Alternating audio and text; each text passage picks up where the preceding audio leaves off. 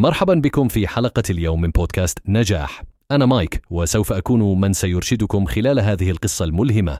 اليوم سنتحدث عن قصة فتاة صغيرة تدعى آن فرانك، قصة أمل في الظلام. لنبدأ بالقليل من الخلفية. كانت آن فرانك فتاة يهودية ألمانية ولدت في الثاني عشر من يونيو 1923 ترعرعت في عائلة ذات تقاليد يهودية قوية. عندما اجتاحت النازية ألمانيا اضطرت أسرة فرانك للهروب إلى أمستردام هولندا حيث أمنوا على أعمارهم لفترة من الزمن. لكن سرعان ما سقطت هولندا تحت حكم النازيين فكانوا مجبرين على العيش في الخفاء.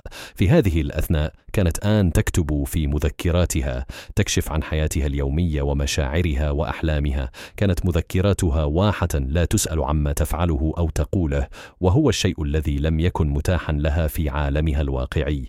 كتاباتها كانت نافذة نحو الأمل خاصة في الأوقات المظلمة. الرغم من كل شيء لا زلت أعتقد أن الناس بطبعهم الطيبين.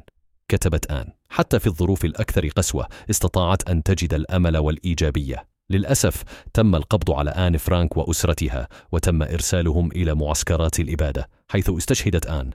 ولكن مذكراتها ما زالت تشرق بالأمل. هذه عبرة اليوم لكل منا أن الأمل يمكن أن يتواجد حتى في الأوقات الأكثر داكنا بأن الناس جميعا في جوهرهم طيبون بأن الأمل والإيجابية يمكن أن يكون أقوى من أي شيء.